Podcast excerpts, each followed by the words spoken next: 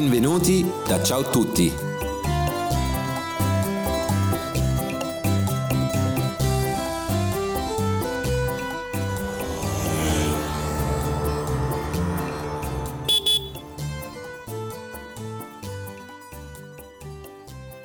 Welkom bij Ciao Tutti's podcast. In deze aflevering neem ik je mee naar Rome, waar bijna 25 jaar geleden mijn liefde voor Italië ontkiemde. Mijn eerste voetstappen in Rome herinner ik me als de dag van gisteren. Ik was meteen onder de indruk. Niet zozeer van de grootste monumenten, maar van de sfeer die de stad ademde. De drukgebarende mensen, de pleinen en pleintjes, het gesis van de espresso-machines in de vele barretjes, de fonteinen, de restaurantjes waar het geroezemoes van gezellig etende gasten af en toe wordt verstoord door een ploppende kurk of een kok die een aria de lucht inslingert. Ik kon dan ook niet wachten om meer van de stad te ontdekken. Inmiddels ben ik ontelbaar veel keren in Rome's warme omhelzing gedoken. Soms voor enkele dagen, soms voor een paar maanden, maar altijd met ongebreideld enthousiasme, met een hart dat elke keer weer sneller ging kloppen en steeds meer van Rome in zich opnam. Ik ontdekte steeds weer nieuwe favoriete plekken, maakte lijstjes met nieuwe plaatsen en verhalen om aan nader onderzoek te onderwerpen en ontmoette nieuwe vrienden. Mijn hart en hoofd vulden zich steeds meer met het Romeinse stratenplan.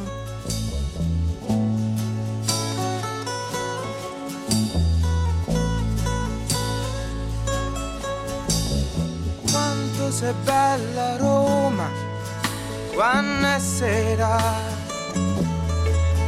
quando la luna si specchia dentro il fontanone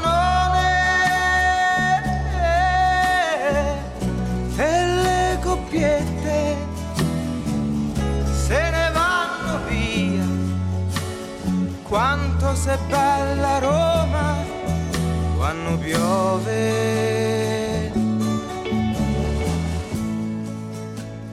Ik liet me leiden door het advies van baristas en beeldhouwers, door taxichauffeurs en toevallige passanten. Ik dwaalde uren rond zonder plattegrond, tot het spinnenweb aan straten en steegjes langzaam maar zeker een herkenbaar geheel werd, dat ik nog altijd beter ken dan mijn eigen stad. Na al die jaren en talloze bezoeken weet Rome mij nog altijd te betoveren, en ik weet zeker dat de stad ook jou zal betoveren. Zeker als je mijn favoriete plekken bezoekt, die ik in deze podcast met je deel.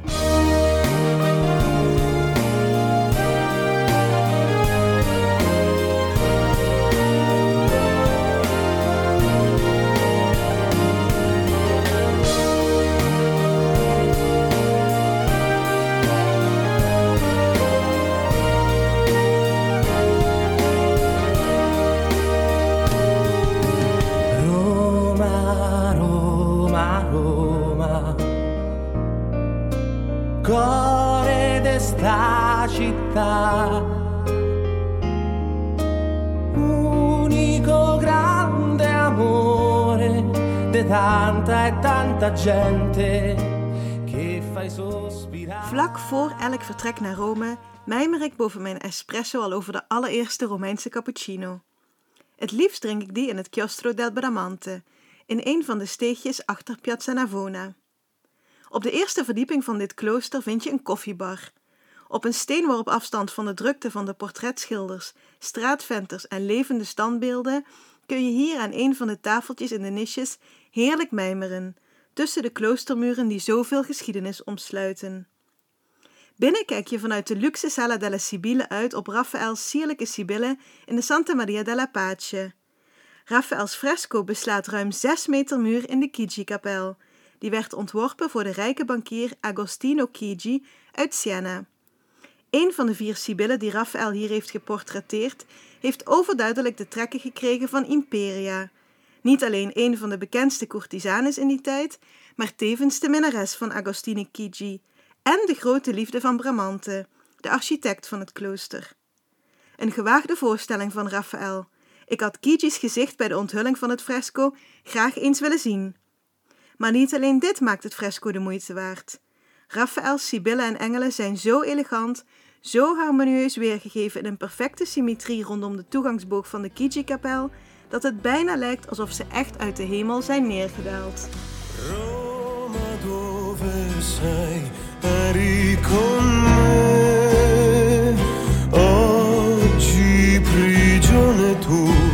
Prigioniero io, romantica città. Oh, vecchia realtà, non ti accorgi di me e non sai che pena mi fai. Nog zo'n rustig plekje in de drukte is de Via Marguta, een schilderachtig straatje tussen de hectiek van de Spaanse trappen, de Via del Corso en het Piazza del Popolo. De warme kleur van de huizen, de welig tierende klimop en de vele kleine ateliers maken van de Via Marguta een filmisch geheel. De rust wordt slechts verstoord door het ritmisch hameren van een artigiano, een ambachtsman, een fietser die over de San Pietrini hobbelt of een discussie over voetbal of de naderende lunch die voor de deur van een van de winkels wordt gevoerd. Ik ga graag naar Er Marmorado, die eigenlijk Enrico Fiorentini heet. Iedereen in Rome kent hem als de marmermaker. Enrico, die de kunst van het verzinnen van mooie en grappige teksten van zijn vader en grootvader heeft geleerd, zet namelijk alles wat je maar wil op een mooi marmeren bordje, voor aan de muur, voor op je bureau of voor in de keuken. Voor wie geen inspiratie heeft om zelf iets te verzinnen, heeft hij altijd een passende tekst klaar. Ik loop tijdens elk bezoek aan Rome wel even bij hem binnen, om zijn nieuwste creaties te bewonderen. In elk hoekje staat, hangt of ligt een mooie spreuk, uitgevoerd op kleine of grotere stukken marmer, in het Italiaans, maar ook in het Romanesco, het Romeinse dialect. Enrico en de buurman, die vaak even komt aanwaaien, zijn stiekem wel een beetje trots op het feit dat ik ook die Romeinse spreuken best kan lezen, met hier en daar een beetje hulp. Natuurlijk koop ik altijd een mooi marmer souvenir voor thuis.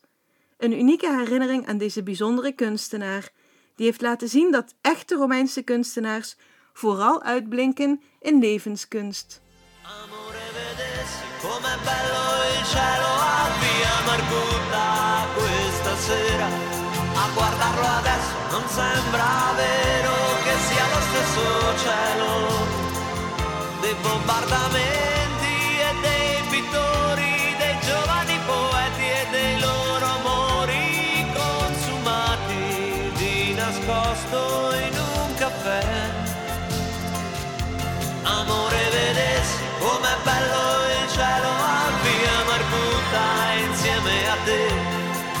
Guardarlo adesso non sembra vero che cielo Aan de overkant van Enrico's marmerparadijs vind je het lekkerste adresje van de straat, Osteria Marguta.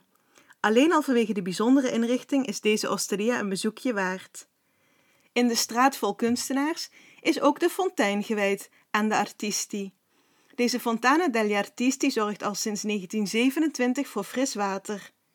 De fontein zelf is ook een waar kunststukje, met talloze elementen die verwijzen naar de wereld van de kunst: penselen, ezels, doeken, maskers en beeldhouwinstrumenten.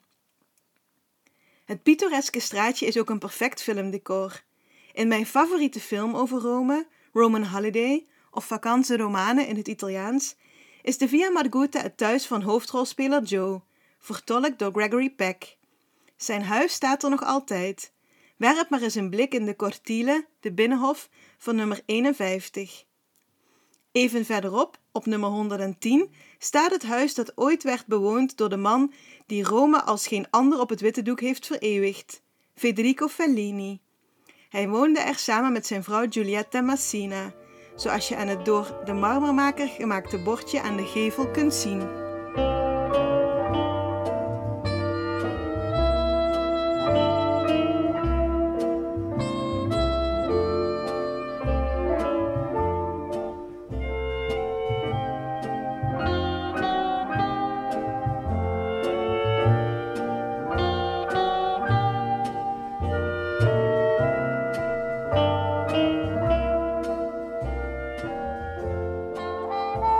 Als je op het Piazza del Popolo staat en naar boven kijkt, kun je het al zien liggen. Het mooiste uitkijkpunt van de Villa Borghese, bovenop de Pincio. Vanaf deze plek geniet je van een prachtig panorama dat reikt van de koepel van de Sint-Pieter tot aan het Vittoriano. Hier, op deze plek, begon meer dan twintig jaar geleden mijn eerste reis naar Rome. Ik wist op dat moment nog niet hoe vaak ik naar Rome terug zou keren, hoezeer Italië een deel van mijn leven zou worden. Wel voelde ik meteen een diepe verbondenheid met Rome en met Italië. Elke keer als ik weer op deze plek sta, voel ik dat dit uitzicht me de antwoorden gaf op vragen die ik me nog niet stelde, dat het me de weg wees nog voor ik die kon zoeken. Mede dankzij dit uitzicht op het Piazza del Popolo en de Sint-Pieter kunnen jullie nu elke dag van Ciao Tutti genieten.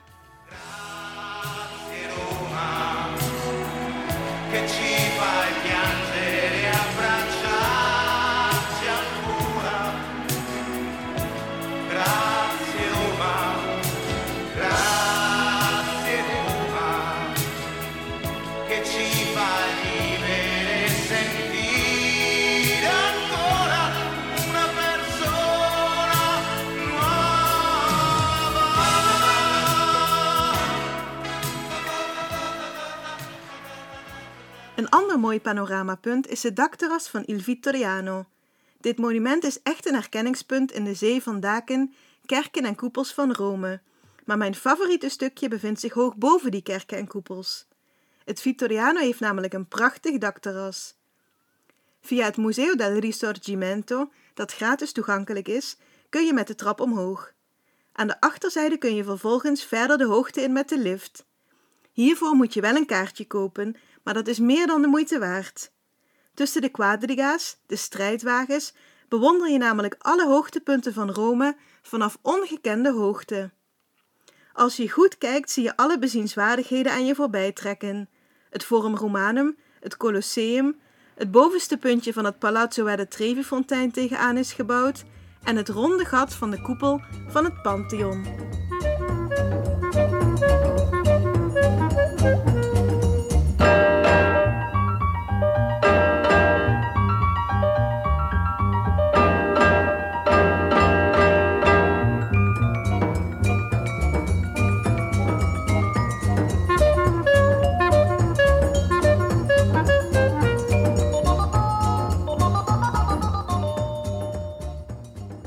Het is een vast ritueel geworden. Als ik in Rome aankom, wil ik zo snel mogelijk het Pantheon even zien.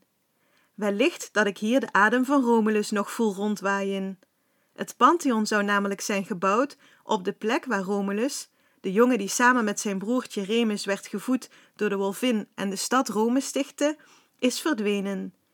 Hier, onder de stenen van het Pantheon, dat er toen natuurlijk nog niet stond, zou hij door een onweerswolk zijn weggevaagd. Ik ben natuurlijk niet de enige die deze plek zo'n warm hart toedraagt.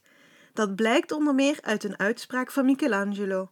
Die was zo onder de indruk van het architectonische wonder van de koepel, dat deze volgens hem door engelen moest zijn gemaakt.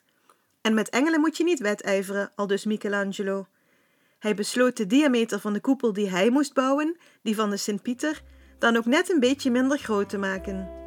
Een prachtig eerbetoon van een prachtig kunstenaar aan een prachtige plek.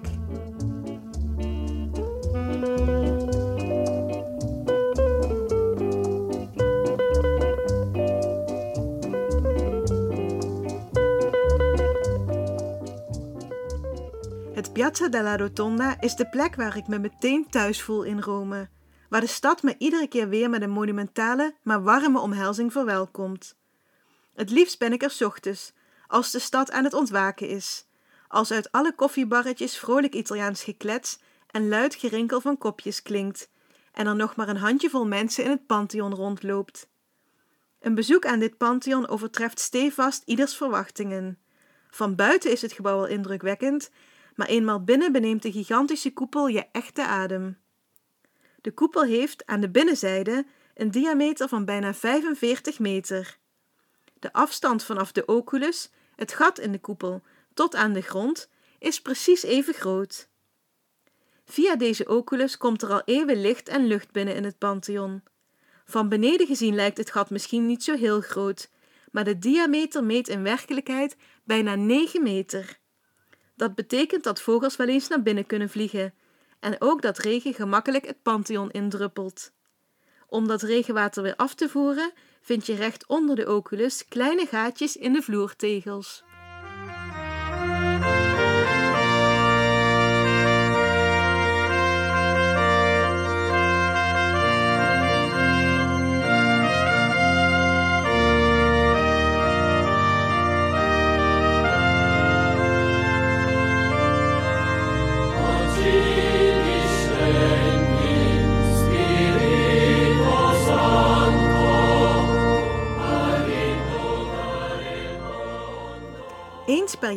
Met Pinksteren, kun je trouwens iets heel anders door de oculus naar beneden zien komen.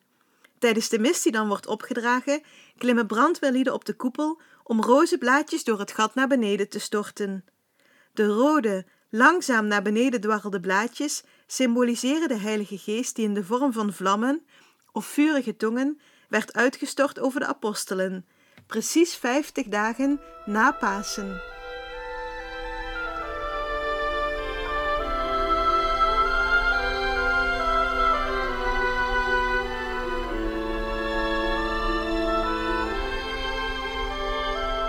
Misschien wel de meest charmante fontein van Rome is voor mij de Fontana delle Tartarughe, de schildpaddenfontein.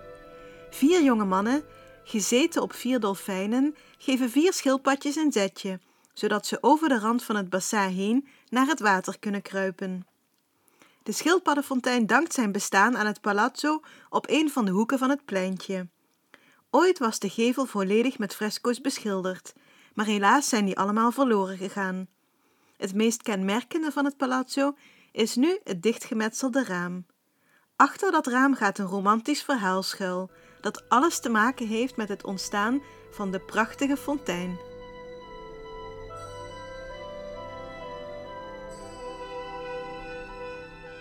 In dit palazzo woonde ene Vergilio Mattei, die tot over zijn oren verliefd was op een Romeinse jonge dame.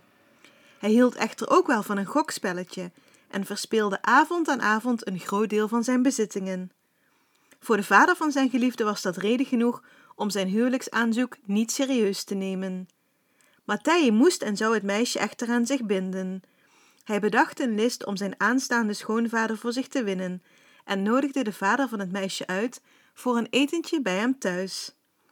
Hoewel de man inging op de uitnodiging, veranderde hij niet van mening. Matthij riep de man na Kom morgenochtend maar terug, dan zult u eens zien wat ik in één nacht voor elkaar heb weten te krijgen. De volgende ochtend klopte Matthijs geliefde aan haar vader in alle vroegte aan. Voordat ze de kans kregen te gaan zitten, zwaaide Matthij een van de ramen open. Deze fontein heb ik in één nacht laten bouwen voor de vrouw van mijn hart, zei hij. De vader zag de beeldige fontein en was zo verrast dat niets het huwelijk meer in de weg stond. Matthij beloofde zijn schoonvader het raam direct dicht te laten metselen, zodat niemand ooit meer vanuit het raam naar de fontein zou kunnen kijken. Zoals wij het zagen, zagen wij het alleen, aldus Matthij. Hoewel een van de palazzi nog altijd een dichtgemetseld raam heeft, ging het er in werkelijkheid niet zo romantisch aan toe. Volgens historische bronnen is de fontein namelijk al veel eerder gebouwd dan het palazzo. De fontein is een ontwerp van Giacomo della Porta, die er tussen 1581 en 1588 aan werkte. In het oorspronkelijke ontwerp zaten de jonge mannen niet alleen op dolfijnen, maar tilden ze ook nog eens vier dolfijnen in het bekken. Op verzoek van paus Alexander VII werden de dolfijnen vervangen door schildpadjes, die door Banini vervaardigd zouden zijn. Helaas werden die schildpadjes keer op keer gestolen. Toen in 1979 opnieuw een schildpad verdween, werden de originele schildpadjes naar de Capitolijnse musea verhuisd en werd de fontein voorzien van kopieën.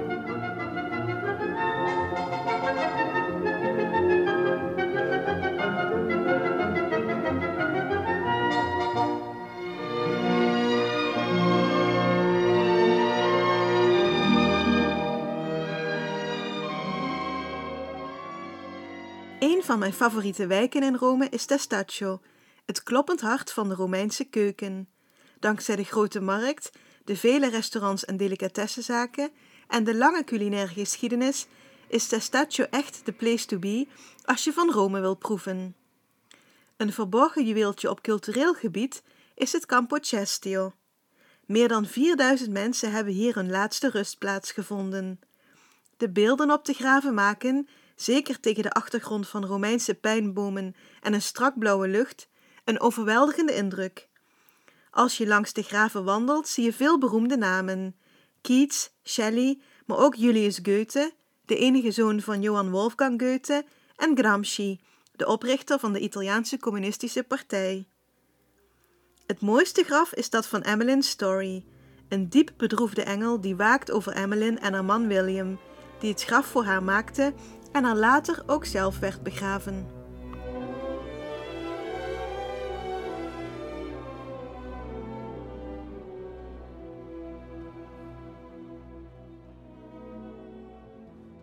In 1748 stond het Campo Cestio voor het eerst op de stadsplattegrond van Rome, als plaats waar men protestanten begraaft. Ook al was het kerkhof voor protestanten, het stond tot 1870 onder streng toezicht van de paus. Alle grafschriften moesten ter goedkeuring aan een pauselijke commissie worden voorgelegd, en kruistekens op te graven waren ten strengste verboden. Pas met de opheffing van de kerkelijke staat kwam er ook een einde aan deze strenge voorschriften. Tu ormai non sei più quella che i poeti cantavano di più. Oggi è rimasto solo Rione e ci parlo a tu per tu. Trastevere, Trastevere, da quando che sono nato, te so cresciuto Trento tra piazzette e vicoletti perciò te voglio. Trastevere, Trastevere, me so poi fatto grande, ma battezzato Tevere, sposato cupolone, perciò te voglio bene. Tijdens een wandeling door Trastevere, een andere wijk in Rome, kan ik de koekjes die in de kleine etalage van Biscottificio Innocenti liggen, nooit weerstaan. Deze koekjesfabriek ligt aan de Via della Luce, een van de kleine straatjes die Trastevere zo authentiek maken. Achter de ramen van de Biscottificio laten de amandelkoekjes je watertanden, maar ook de biscotti met Nutella zien er verleidelijk lekker uit. Binnen liggen overal waar je kijkt schalen vol koekjes. Stefania, de eigenaresse van Innocenti, laat je proeven van de Brutti ma buoni, wat letterlijk lelijk maar lekker betekent. De koekjes worden zo genoemd vanwege de vaak onooglijke vorm waarin ze op de bakplaat belanden. En hoewel ze inderdaad geen schoonheidsprijs verdienen, smaken ze overheerlijk.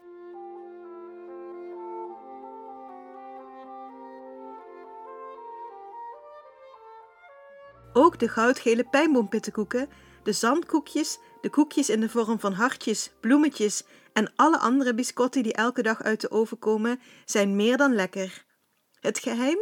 Volgens Stefania ligt een deel daarvan in de vintage oven uit de jaren 50 van de vorige eeuw, die de koekjes door 16 meter warmte geleidt. Zo bakken ze mooi egaal gaar en goudbruin, met een brosheid die ervoor zorgt dat je blijft proeven. Een ander deel van het geheim zit in de traditionele familierecepten die Stefania gebruikt. Ze is inmiddels al de derde generatie die de biscottificio in stand houdt. Ze nam het stokje over van haar ouders, Enzo en Anna, die op hun beurt de traditie voortzetten die Enzo's vader in 1920 was gestart. Zo af en toe krijgt Stefania hulp van haar dochter.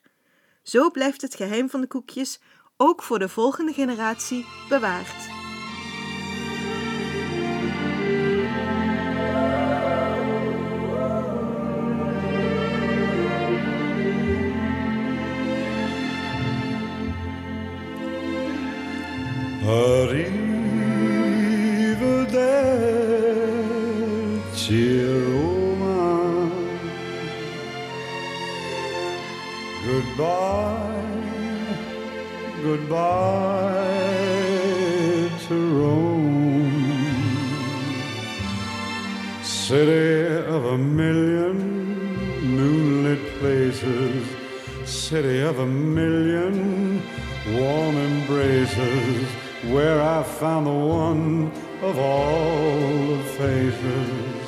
Far from home. Ik ben heel benieuwd wat jouw favoriete plekken in Rome zijn. Ga je net als ik graag naar het Pantheon of heb je bijzondere herinneringen die zijn verbonden met bepaalde plekken? Laat het me weten via een mailtje of een reactie op Facebook, Twitter of Instagram. Ben je op zoek naar meer tips voor Rome? Kijk dan ook eens op ciaotutti.nl en laat je betoveren door de mooiste verhalen over de eeuwige stad. Alla prossima! Tot de volgende keer!